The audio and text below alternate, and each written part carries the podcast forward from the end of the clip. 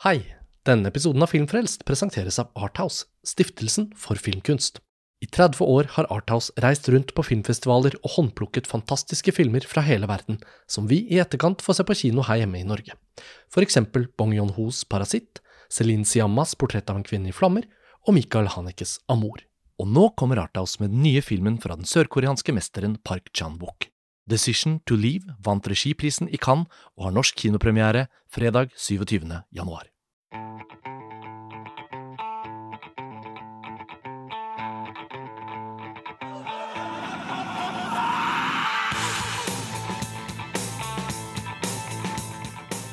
Hei og velkommen til en ny episode av Filmfrelst, podkasten fra filmtidsskriftet montasj.no. Ja, mitt navn er fortsatt Karsten Meinick, og vi er på slutten av filmfestivalen i Tromsø. Uh, ja, vi er jo ikke en nedslått gjeng her rundt bordet, men det er uh, en uke festival vi legger bak oss. Og i denne episoden så har vi noen titler på bordet da, som vi skal uh, snakke om, og oppsummere litt. Og um, med meg her så har jeg da nå Erik Vågnes. Hallo. Hei, Erik. Lars Ole Kristiansen. Hei, Karsten. Og Ida Katrine Holme Nilsen. Hallo. Hei. Og nå, um, Det er siste kvelden, og i morgen så reiser vi alle hjem. Og vi har blitt enige om at vi nå kan snakke om særlig to filmer da, som noen av oss har sett og, og litt å si om. Den ene er Sarah Pollys 'Women Talking'. Og den andre er Daniel Goldhabers 'How to Blow Up a Pipeline'. Og Lars Ole og Ida, det er dere som har sett Sarah Pollys uh, nye film. Jeg husker for mange år siden så så jeg hennes dokumentar 'Stories We Tell' her i Tromsø.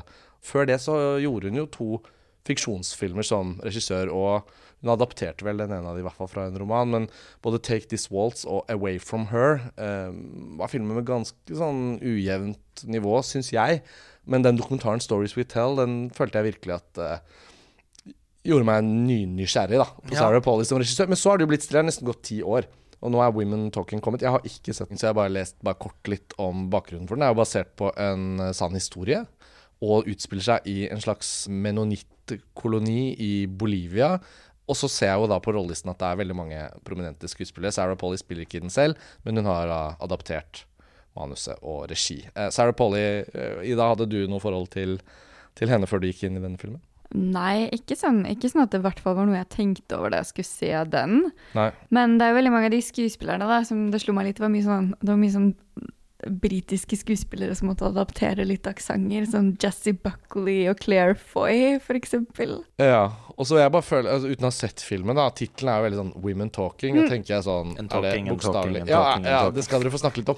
Men. Mm. jeg husker jo Carlos Regadas film 'Silent uh, Light', Mm, eh, som også var en sånn derre helt sånn spesiell sekt som har trukket seg ut på landsbygda. Og, og jeg tenker litt sånn på Amish og sånn som Ja. i Amerika. Jeg, sånn, jeg kan veldig lite om den verdenen, men det er jo veldig sånne lukkede samfunn. Hvor uh, spesielle historier eller spesielle miljøer kan tre inn og bli til spennende filmsettinger fordi de skiller seg fra hvordan vi andre lever. Den historien utspiller seg veldig liksom i nyere tid. Men ut fra de stillsbildene jeg har sett, så ser det ut som det foregår liksom på 1800-tallet eller et eller annet. Jeg vet ikke. Dere får fortelle litt, men det, det er det lille jeg vet, i hvert fall. Før vi Ja, så Det som er litt interessant med den, er jo at det blir veldig sånn Historien åpenbarer seg ganske sånn gradvis for oss som publikum. Og for meg som er veldig opptatt av sånne periodedetaljer, så sitter jeg jo hele tiden og prøver å tenke hvor, når, når, når er det her? Fordi det er en sånn sirlig blanding av, av litt sånn polyesteraktige, gammeldagse Altså man kan vel si litt sånn heldekkende kjoler, ikke sant? Altså veldig sånn religiøs påkledning, men i en type stoff som ikke ville være typisk på begynnelsen av 1900-tallet, da, som, som de liksom illuderer litt. Mm. Men det er likevel sånn hest- og kjerreaktig samfunn. Men så gradvis gjennom filmen så blir jo på en måte mer av, av det landsby- eller det kolonilivet åpenbart for oss, hvor vi på en måte kan henge det opp på OK, ja, det er en sånn komfyr. Da vet vi liksom altså vi befinner oss i moderne tid på et eller annet tidspunkt. Hvor disse, hvor liksom disse periodemarkørene blir tydelige, i hvert fall når det kommer folk utenifra i bil og spiller musikk, f.eks., så blir du på en måte mer og mer bevisst på når vi er. Men i begynnelsen ja, så kunne det like så godt vært en, altså en dårlig kostymert tidlig 1900-tallsfilm. da. Men, men det er ikke en film hvor det er en slags sånn The Village-aktig sånn åpenbaring, hvor det plutselig kommer Den har jo faktisk nesten litt sånn The Village-aktig sånn Ja, okay, ok, horrormomenter. Okay, også... Fordi disse fordi eh, kvinner i den, denne kolonien blir sånn eh, De blir eh, terrorisert av menn som kommer, som kommer som sånne glupske monstre og voldtar og angriper dem. Og det kommer i sånne nesten litt sånn jumpscare-aktige flashbacks da, for disse kvinnene, etter hvert som de, de, de har et sånn slags Robinson-aktig øyeråd, hvor de skal finne ut, av, finne ut av hva de skal gjøre. Okay. Jeg tenker at når Women Talking er basert på en roman med utgangspunkt i virkelige hendelser, så er det vanskelig å se hva som er den kunstneriske begrunnelsen for å utforme den som et teaterstykke. Eh, både hva gjelder det visuelle og fortellerstilen. Eh, for det handler ikke bare om iscenesettelsen, som jeg personlig syns er fattigslig, i og med at de så ofte vender tilbake til det diskusjonsforumet på høyloftet for å øh, finne ut av hva de skal gjøre mm, i, i situasjonen de er i. Om, om de skal bli værende og, og kjempe, eller om de skal dra.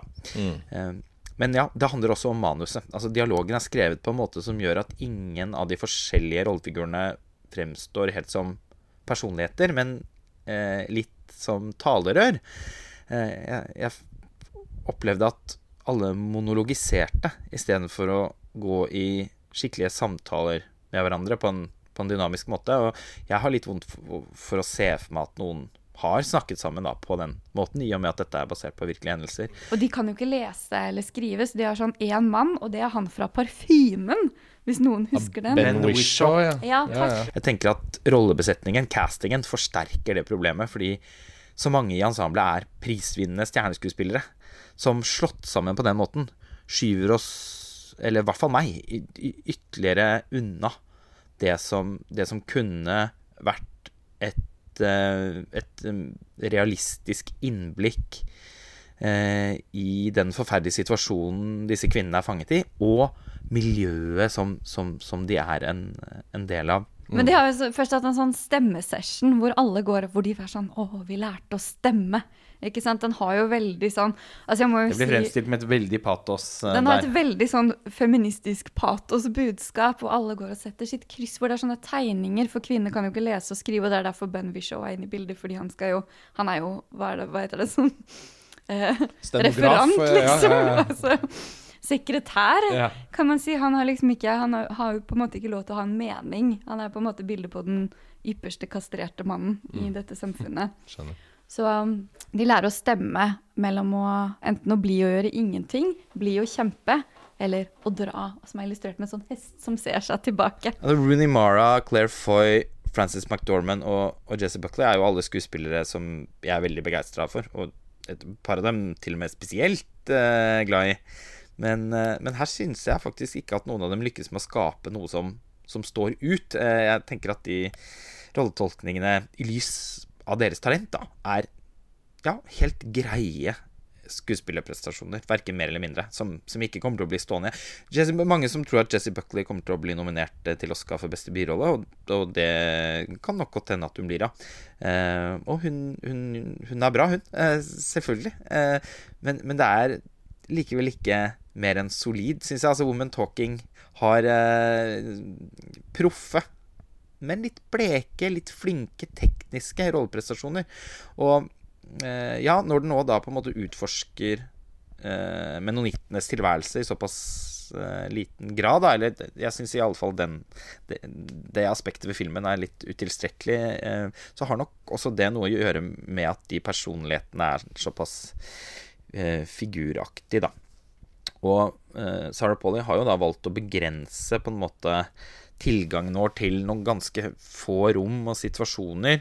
Og de overgriperne forblir også en sånn slags sånn ansiktsløs masse. Og, og nærmest forklart for, som et resultat av, av menns natur. Og her tenker jeg at filmen beveger seg inn på noen eh, på, på noen spørsmål som, som også krever å bli problematisert eh, på en måte som, som filmen ikke helt gjør. I det hele tatt så, så sitter jeg med, med den følelsen av at Women Talking eh, er ambisiøs, eh, men like, og, og at den eh, at Sarah Polly nok har en ganske tydelig idé om, om hva hun vil med filmen, men at de forskjellige liksom, delene ikke passer eller kommer helt sammen, og at, der, at resultatet derfor likevel blir eh, ganske feilslått eh, etter min smak, da. Altså, Mye av problemet ligger jo i altså, Det er jo en veldig sånn teateraktig dialog. Den blir, liksom ikke, den blir jo hjulpet godt på vei. da, At uh, mange av skuespillerne har hver sin fortolkning av en amerikansk aksent. Det var jeg veldig fascinert av. Um, og de har liksom dette litt sånn Ja, du sa menonitter, ikke sant? Altså, de har en sånn litt sånn amish-aktig gammeldags språk. Men altså, det, Så- det, det er jo også en annen film på programmet her på TIFF som er eh, teaterstykkeaktig, eh, Mm. nemlig hol- Nå holdt jeg på å si The Way of the Whale. The whale? The Whale. The whale. ja, The Way of Water. Ja, det Det er jo mye hval i den filmen nå. Brendan Frazier kan jo bli nominert faktisk for to rolleprestasjoner i år. Både Tulkunen i The Way of Water til James Cameron og som The Whale. To hvaltolkninger. eh, Veldig imponerende mocap. Han leverte som Ja, tulkunen. jeg lurer på om det at han er tekstet med sånn gul papyrus eh, og er helt stum i rollen som Tulkunen, vil kunne motarbeide han litt. Eh, men han campaigner for begge filmene. Det blir veldig spennende å se. Eh, nei, men altså, The Whale utspiller seg jo eh, i sin helhet i en leilighet og foregår under pandemien, og hovedpersonen, som da er så ekstremt sykelig overvektig, eh, har jo, kan jo ikke forlate den leiligheten, både pga. pandemien, men han ville jo heller ikke kunne gått en tur på Rema ellers heller, eh, uten masse hjelp. Så der er jo på en måte og, og den filmen er basert på et teaterstykke. Og under pandemien så er det veldig mange filmer som det har vært umulig å, å få laget. Dette var jo da et prosjekt som, som var gjennomførbart fordi det inkluderer, var så en liten cast, eh, lite filmsett, alt i studio, alt eh, Altså. Men nettopp fordi at det er forankret i historien, eh, at, at pandemien eh, spøker i bakgrunnen der, så oppleves det også på en måte som en kunstnerisk vurdering. Det, det at eh, hovedpersonen ikke kan forlate leiligheten, gjør jo at det, da er det jo heller ingen grunn til at filmen skal gjøre det. Mm. og Darren Aronofsky er så god i samarbeid med sin fotograf Mathieu Libatik, til å gjøre den leiligheten uttrykksfull. Og til en sånn, nesten sånn Polanski-aktig leilighet hvor veggene vokser innover, og du kjenner på en sånn følelse av eh, klaustrofobi. Og jeg syns bare rett og slett ikke at Sarah Polly lykkes med noe tilsvarende i Women Talking.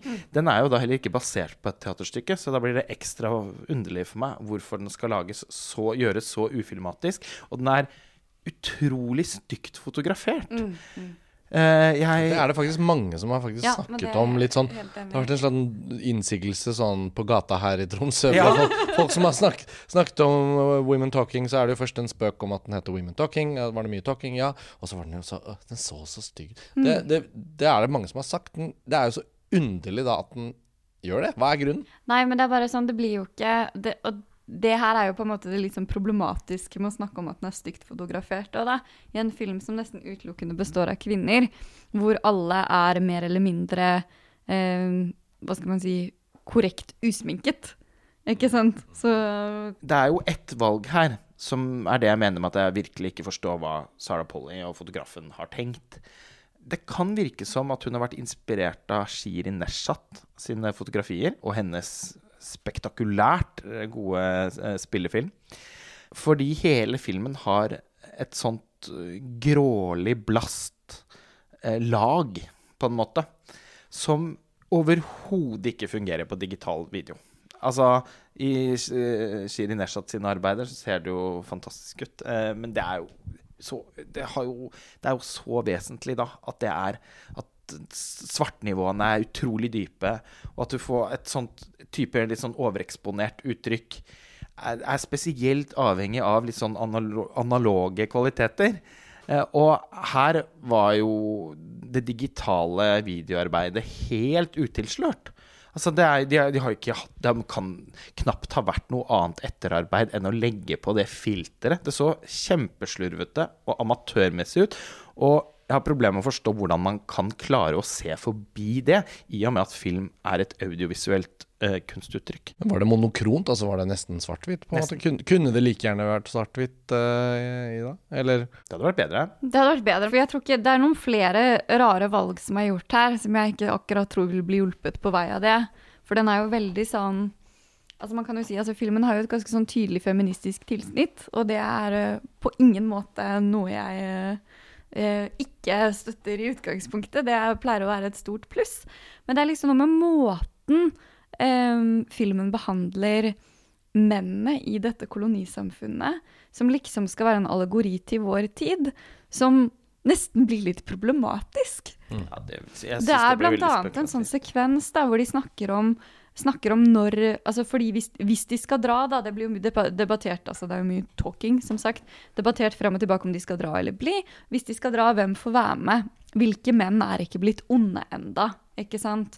Og hvor det er sånn, hvor vi ser nesten en sånn bildekavalkade med nærbilder av, av liksom alle de onde mennene som liksom er akkurat for store til å være med. De er liksom spoiled, ikke sant? De kan ikke reddes. De er liksom Ja, jeg føler at filmen argumenterer for at menn er onde og bestialske fra naturens side. Ja, nemlig. Så denne har jo gått uh, noen runder her på festivalen. Den skal på kino, og den er jo også i Oscar-diskusjonen. Men Eh, filmen har jo fått fantastisk flott mottagelse av amerikanske kritikere.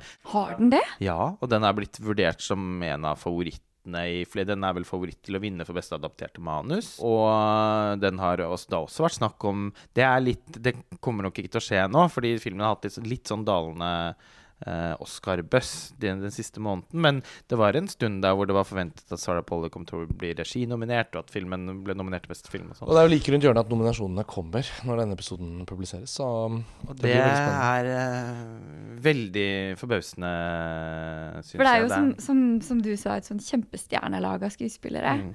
Nesten sånn, ja, som, som du sa, så, sånn superteatralske dialekter.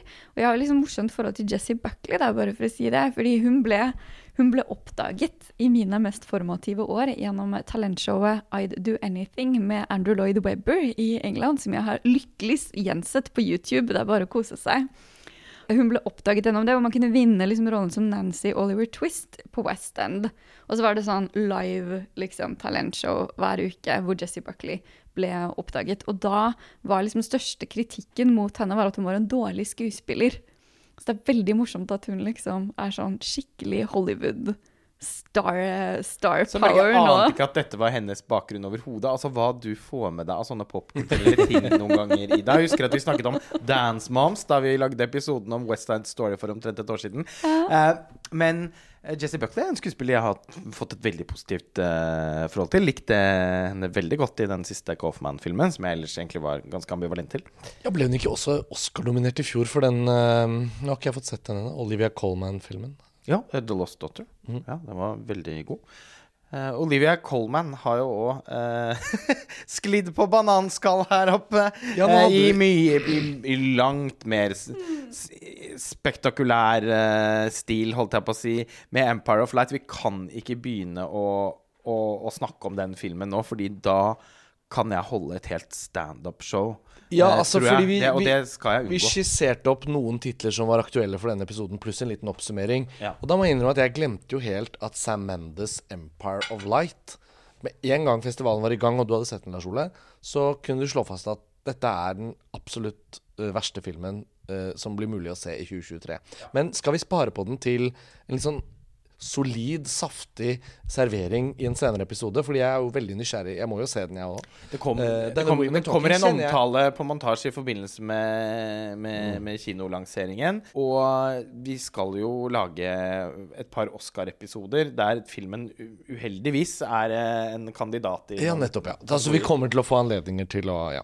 Men jeg må innrømme, da, hvis vi skal avslutte Women Talking, at denne typen negativ buzz, kombinert med at, filmen mangler en attraksjonsverdi på noen sånne punkter, får meg jo til å tenke at om noe så er det jo denne boken eventuelt som forteller den sanne historien om hva som skjedde, som er aktuell å oppsøke. da For å få det kan, kan hende den er kjempeinteressant. kanskje den, ikke sant? Fordi- interessant. Jeg tror det, jeg, det, Som man en kunne tekst, laget liksom. en dritbra film. Om det, eh, med dette materialet som utgangspunkt. Og det har ikke Sarah Polly gjort Nei. her. Og jeg er i likhet med deg, Karsten, kjempebegeistret for henne som skuespiller. Fra The Sweet Hereafter til Dawn of the Dead. Og jeg syns Stories We Tell var en helt fabelaktig dokumentar som jeg så sammen med deg her i Tromsø for en del år siden. Men ok, skal vi si at eh, det var den runden da om, eh, om Women Talking. Så får vi se om Sarah Pollys videre karriere kan løfte henne tilbake igjen litt. Eh, det høres ut som en liten dupp, karrieredupp. Erik, i introduksjonen så sa jeg jo at du og jeg har sett en film. Noe helt annet, da. Men en film hvor jeg følte begge vi var litt enige når vi kom ut om at både var det en litt positiv, ikke overraskelse kanskje, men det var en film som faktisk leverte, og som var et sånt uventet bidrag til samfunnsdebatten, som tross alt også raser litt i Norge nå, rundt miljøaktivisme. Og hvilke eh, grep man kan ta. Og den unge generasjonens behov for å få oppmerksomheten til makthaverne, også i Norge, da. Her har de jo tatt for mer av sånn maling i Vigelandsparken på statuen og, og, og, binde seg fast i plattformer og, og, alt det. Og Extinction Rebellion og alt som de står for, og den kampen de kjemper, som jeg tross alt merker at jeg moralt sett støtter. da. Jeg, jeg kan se at den aktivismen er veldig betydningsfull, selvfølgelig. Og at de leter etter genuine verktøy for å bli synlige da, i offentligheten. Og så har vi sett en fiksjonsfilm fra Nord-Amerika. Jeg tror kanskje den er noe kanadisk eh, involvert der, men den utspiller seg i USA, i Vest-Texas, om en gruppe aksjonister som planlegger en ganske ambisiøs sabotasjeaksjon mot en sånn oljerørledning på land. Derav tittelen 'How to Blow Up a Pipeline'. Og filmen er basert på en uh, non-fiction-bok, uh, sakprosa. Andreas Malm, han er vel svensk. Mm. Så det er litt sånn interessant utgangspunkt her, da. Og filmen er veldig spennende, og må jeg si, veldig bra. Og veldig sånn pro aktivistene i historien. Mm. Så den har ikke en sånn form for sånn moralsk Den bare sier dette er en måte å gjøre det på. Um, ja. Hva visste du om filmen før vi så den? Jeg visste egentlig ingenting. Jeg, jeg kjente til tittelen av den boka til Andreas Malm. uh, men uh, ja, det var en veldig positiv overraskelse. Veldig uh, stramt manus. veldig godt fortalt. veldig spennende. Og som du sier, vi følger egentlig en gjeng med unge klimaaktivister. Og veldig ambisiøst prosjekt om å sprenge disse her oljerørledningene. Og jeg følte filmen var litt sånn Jeg vet ikke om du er enig med meg, litt sånn eh, Soderberg Light-aktig. Jeg følte det var i hvert fall litt uh, Lå litt i kortet at han uh, kanskje inspirerte litt her. Ja, litt. altså I hvert fall den heist-filmskaperen som Soderberg til tider er. Soderberg har jo egentlig ikke laget noen actionfilmer. Kanskje kan man si at Hayward til dels er en actionfilm, men jeg føler at uh, selv den filmen er mer preget av en slags sånn avslappet spenningsstruktur mm. med actionsekvenser ja. som er veldig imponerende. Og, og, men mer enn noe annet så er det jo klippingen og strukturen i How to Blow Up a Pipeline som føles mest Soderbergiansk. Eh, fordi de leker med tid, de spiller på tid, og de har hele de derre um, Hvis vi tenker tilbake på filmer som, uh, som Oceans Eleven og sånn, hvor du beveger deg langt inn i heistet før du får et eller annet flashback som egentlig setter opp karakterens funksjon i historien. Og det er mye som er sånn helt sånn uforklart og elliptisk i begynnelsen. At plutselig er du inni en stor spenningssekvens, og så hopper vi tilbake og blir bedre kjent. Og sånn ja. blir alle karakterene i denne filmen introdusert av det. Så det er en gruppe unge mennesker. sånn det er vel seks-syv stykker som gjennomfører denne aksjonen. Og de må lage en bombe, da. Og da kommer det jo sånne 22. juli-gufs med sånn, sånn ammoniumnitrat, sånne store sekker, og det skal skrus sammen noen sånne tennhetter. Mm. Og de skal jo uh, sabotere en sånn oljerørledning på to forskjellige steder. Men så er de også miljøaktivister, så de har lagt en plan for hvordan de kan finne to steder og en sånn kran de kan skru igjen før bombene går av, sånn at de sprenger oljerørledningen uten at det renner noe olje ut i naturen. Så det er veldig mye som skal på plass her. Og mm. med en film som Tennet på minnet, da, uten at denne er en veldig Nolansk film, så er det noe musikk og noe sånn der driv mm. som virker å være inspirert på en veldig heldig måte. da, Fra både litt sånn Dunkerque og Tenet. Så mm. dette er en litt sånn skjult perle, egentlig. Og han Daniel Gollaber, han regissøren han, Tor Joakim var jo med, Tor Joakim Haga var med oss og så filmen. Han har dratt hjem allerede, så han kunne ikke være med i denne episoden. Men han hadde sett den forrige filmen som heter Cam. Som var en slags sånn Onlyfans, eh, sosiale medier, video, thriller, horror-ting. Ut fra Tor Joakims beskrivelse. Jeg har ikke sett den. Mm. Så det er mange sånne ukjente, uetablerte figurer i spillet. Da. Jeg, mm. Så jeg likte den veldig godt. Sasha Lane fra American Honey spiller en av aktivistene. Da, så det var et hyggelig ansikt å, å, å ha med igjen. Ja, mm. Erik, det, det aktivistiske her også Jeg tenker Siden du er videregående lærer da, uh, i ditt uh, hverdagsvirke mm. Hvordan opplever du liksom den bare sånn, Fordi jeg føler filmen kan være litt sånn i tiden. Den er ikke blitt kjøpt inn for distribusjon i Norge, men jeg kunne virkelig likt at denne filmen ble vist, da, og ble en del av den samtalen. Fordi det må jo være mange miljøbevisste unge mennesker som leter etter et uttrykk som du kanskje kommer i prat med mm. i, på skolen din. Ja, og det er jo alltid en fare, sant. Altså, til, til mer Altså, det er jo uh, selvsagt uh, ekstremt dramatisk. Men til mer det blir dramatisert, og til mer liksom uh, uh, Ja, det blir en stor frykt da, blant, uh, blant befolkninga så er jo faren der for at enkelte blir radikalisert. Og, og her, her har vi i hvert fall eh, en gjeng ungdommer som tenker litt etisk. Da er de veldig bestemt på at ingen liv skal gå tapt her, og de tar veldig mange forbehold, sånn som du sa. For at dette skal være liksom en sånn veldig sånn, En materiell sabotasjeaksjon, ja, liksom. Ja, Mm. etisk. eh, Og målet er at oljeprisen skal gå opp, Ja. og at markedet skal settes i ubalanse. Og at for hver sånn aksjon som kan gjennomføres, så vil det bidra til et lite stikk i milten til kapitalismen, potensielt sett, da. Men så har de litt sånn tvil, da. De drøfter litt om er, dette riktig å, å gjøre. Hvem er det de egentlig skader? De skader jo ikke egentlig de rike, de skader jo eh, vanlige eh, mennesker, eh, fattige folk, sant? når priser må gå opp osv. Så, videre. så Så man har hele tida den, diskusjonen også langs med, da, som, som eh, var interessant. Og vi blir jo kjent med disse figurene litt etter litt ute i filmen med, med flashback, sant? og vi får vite hvorfor de ble klimaaktivister av veldig ulike grunner. Sant? Ei som har fått leukemi pga. Liksom, eksponert for uh, Bodd nærme et raffineri Ja. i, på Long Beach i California. Det er jo Ja. fantastiske sekvenser der hvor man kommer inn i en sånn nesten Blade Runner-aktig industriell backdrop, da. Og så er det en som, som eh, opplever at eh, staten skal Eller jeg vet ikke om det er oljeselskapet eller staten liksom eksproprierer eiendommen hans for å bygge disse rørene og, og truer med liksom eh, eh, ja, rasere huset, og, og må liksom flytte derfra. Og familie Ja, familiehuset, familiebedrifter. Ja, ja. Så, så det er liksom mange ulike inngangsporter til uh, tematikken. da. Ja, og jeg syns tematikken har jo vært uh, gitt gjenklang da, denne uka. Med åpningsfilmen 'La elva leve' til Ole Gjæver, som jeg også intervjuet på Filmprat. Denne videosamtalespalten som vi gjør her uh, på festivalen hvert år. Som dere kan finne på montasje, den samtalen.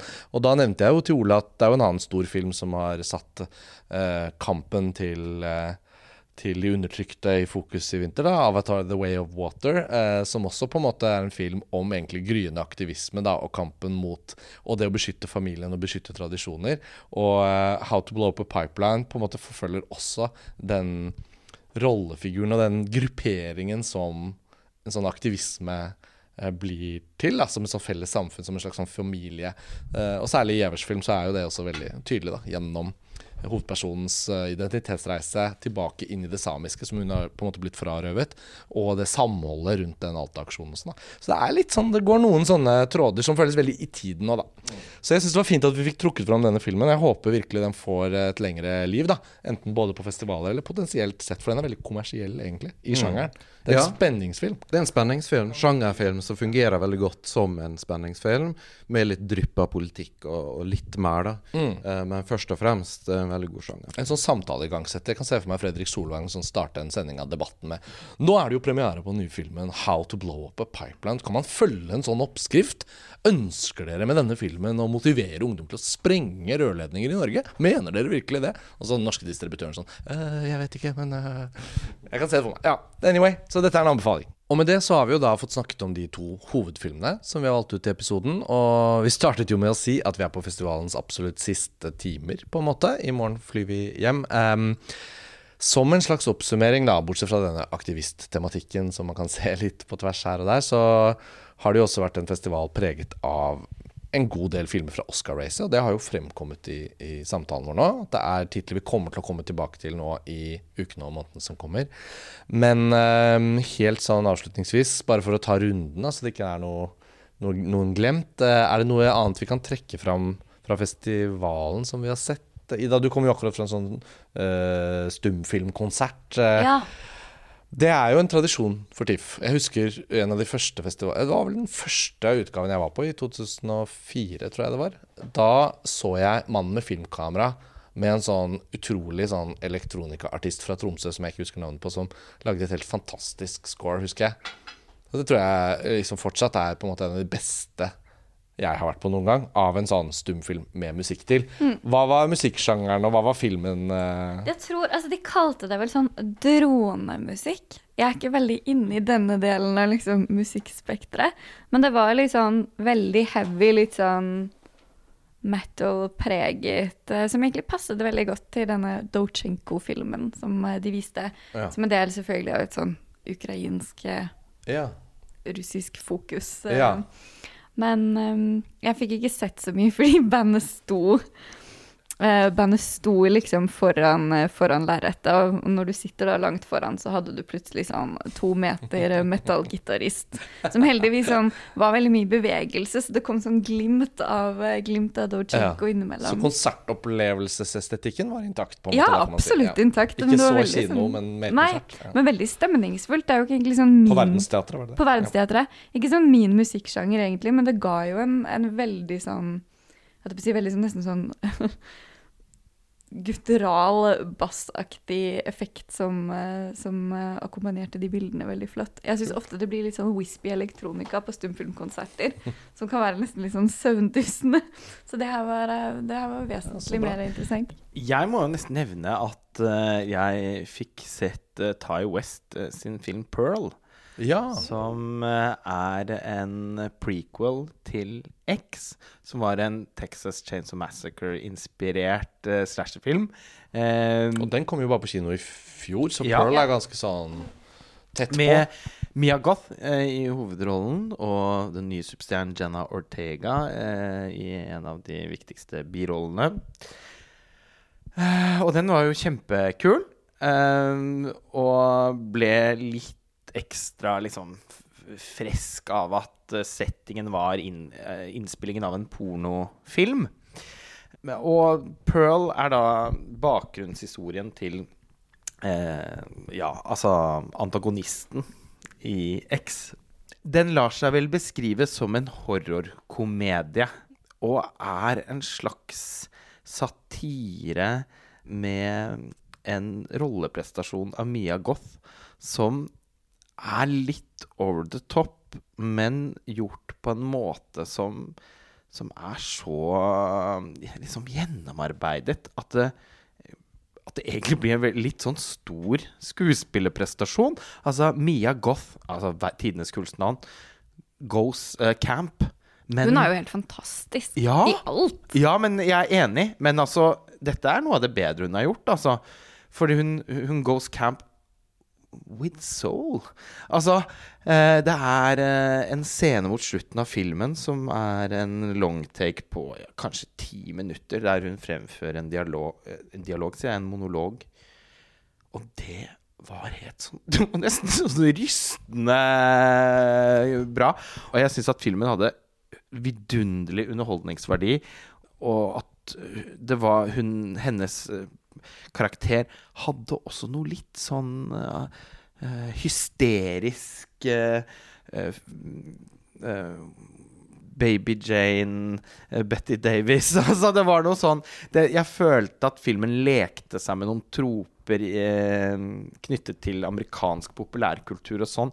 det var kanskje et par elementer av noe John Waters inni der. I det hele tatt så ble jeg veldig sånn Eh, forbauset av hva den filmen viste seg å være. Jeg så for meg noe, noe, mer konvensjonelt. X er jo egentlig det, men den er veldig god eh, som, som, sådan. Men jeg syns jo egentlig dette her var eh, en ganske mye mer original og interessant film. Som, eh, så nå har jeg jo kjempeforventninger da, til denne tredje i det som blir en slags trilogi. Maxine. Eh, M. Mac XXX-in, som uh, følger uh, Mia Goth-karakteren fra X sin videre reise mm. i, i, Hollywoods uh, Inn i Hollywoods kjelleretasje. men dette var kult. Det var bra buss, må jeg si. Erik, jeg vet du også har sett X, men du fikk ikke sett Pearl under festivalen, Nei. vel? Nei. Men jeg ser veldig fram til det. TOS, ja. det er veldig mye bra film. Var det noe annet for deg som gjenstår å fortelle om fra festivalen? Jeg vet Du, du fikk jo sett Aronofskis The Whale her oppe. Den har jo vært en Tromsø-tittel. Lars Ole, vi gjorde jo en podkast om den fra Venezia, så det er derfor vi ikke har gått mer i detalj om den. Men det har vært mye snakk om den også denne uka. Um, mm. Er det noe annet um jeg så uh, Mungiu sin uh, nye film, da, 'RMN'. Ja, og da jo nettopp. Den må jo folk gå inn og lese teksten innom på montasje, da. Den syns jeg var veldig, uh, veldig vellykka. Ja, så bra. Den syns jeg også var steinbra. Den var jo også i Cannes, Lars Ole. Og Munju har jo både vært gjest på TIFF tidligere, og strengt tatt tror jeg de fleste av filmene hans har vært her på festivalen opp gjennom årene. Um, vi har jo uh, vi har sett noen filmer som kommer på kino, som vi kanskje sparer litt. Så vi trenger ikke ta og ramse opp alle her. Jeg, jeg har sett en eh, pakistansk film som ikke har norsk kinodistribusjon, som jeg vet om, i hvert fall. Som også var i Cannes, men som ikke vi har sett før nå. Da, som heter Joyland av Saeem Sadiq. Den er på shortlisten til beste internasjonale film for Oscar, eh, mulig Oscar-nominasjon. Og det var bare noe med den filmen og noen av de frysbildene, det lille jeg hadde av informasjon, som gjorde at jeg også, da jeg så det passet visningstidsmessig, da, på dag én av festivalen, så tenkte jeg jeg går og ser den.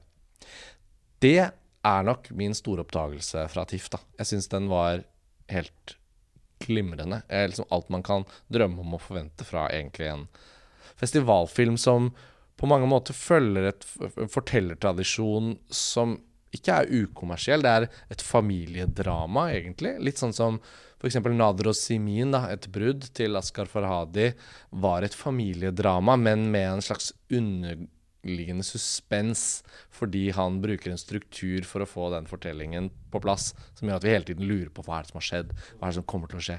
Den hadde nesten en sånn Og den var jo delvis også litt sånn et rettssalsdrama eh, der.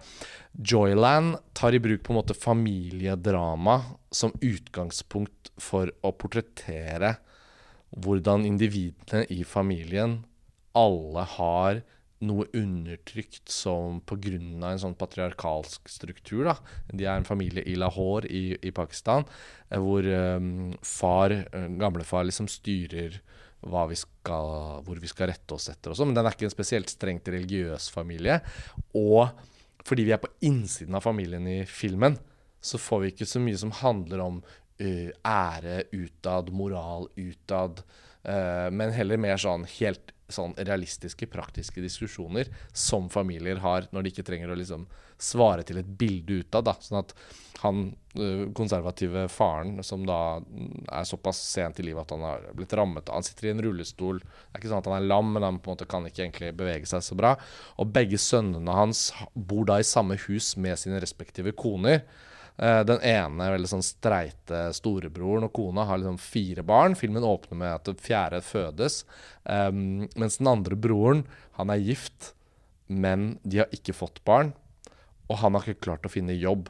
Så hans kone hun jobber som sminkør òg, er det vel. Og er egentlig veldig glad i å ha jobb og være liksom en fri, moderne kvinne. Og fordi de ikke har fått barn ennå, så paradoksalt nok på en måte kan hun leve ut et yrkesliv. Mens han mannen, som på mange måter føles som filmens hovedperson, da, en ung fyr sånn si 7-28 år gammel, um, er egentlig den andre husmoren i familien. Som sammen med hun som har fire barn, er hjemme, passer på gamlefar, sørger for at barna blir tatt hånd om osv. Og så følger vi hans reise ut på det som er muligheten for en jobb. da, Hvor han blir invitert på et jobbintervju av en kamerat som skal sette han opp med en mulighet på et sånt erotisk danseteater hvor på en måte samfunnet aksepterer at det eksisterer, men det er på en måte også moralsk ikke greit. da. Uh, og kameraten hans, uh, som åpenbart er liksom også skeiv, han tar han med fordi det er da en sånn uh, transartist som har en sånn fantastisk fremtone, veldig vakker, og, og, som har et sånn dansenummer da, hvor det skal hyres seks sånne mannlige backup-dansere i bare overkropp. Og han hovedpersonen fra denne familien, han skjønner at det er det som er jobben. Og han kan jo egentlig ikke danse, han kan egentlig ingenting. Men så får han øye på hun Bibi, og blir jo bare helt totalt fall... Vi ser jo at han faller for henne ved første øyeblikk, da. Så han får jo da en sånn reise selv, både på en måte utroskapen i det hele, men også da det skeive elementet. Og så får han jobben, og så i familien er de enige om at de pengene han har mulighet til å tjene her nå, er mye viktigere enn eventuelle skammen ved at det blir kjent at han jobber på et sånn erotisk danseshowteater. Så de blir liksom enige om at det er greit. Og da får han jobb, og han vil dit fordi han har fått øye på et utrolig vesen som han faller for. Mens hans kone, som da egentlig har en vanlig jobb, blir da kommandert av fellesskapet til at nå er du husmor. Nå må du hjem. Så da starter hennes nedadgående spiral. Og så får alle disse tingene konsekvenser rundt omkring i mosaikken som den familien er. da. Så det blir jo egentlig ikke bare en film om ham, men det blir liksom en film om alle. Og etter hvert som alt dette da manifesterer seg i et ganske sånn stort drama for de menneskene her, da. så blir det en veldig, veldig gripende historie. Og det er på en måte ingen lette løsninger for noen. Så eh, jeg har gått og tenkt på den hele uken. Jeg, sånn, jeg tror kanskje det var litt sånn høydepunktet av det jeg ikke visste i det hele tatt om jeg kom til å like. Da. Så det var min Kanskje hvis jeg skulle avslutte med noe, så var det den da fra meg. Jeg håper dere får muligheten til å se den. Men med det så kan vi kanskje erklære litt at sånn podkastmessig er vi da i mål med årets festival. Erik, eh, det var jo mange år siden du var med på TIFF sist, så det var veldig hyggelig å ha deg med igjen. Veldig hyggelig. Og Ida, flott å ha deg med. Lars Ole, vi er jo her hvert år. Eh, tradisjonen opprettholdes. Eh, vi eh, vender nesen hjemover. Takk for denne gang. Og takk til dere som hører på. Vi høres snart igjen. Ha det bra. Ha det. Ha det.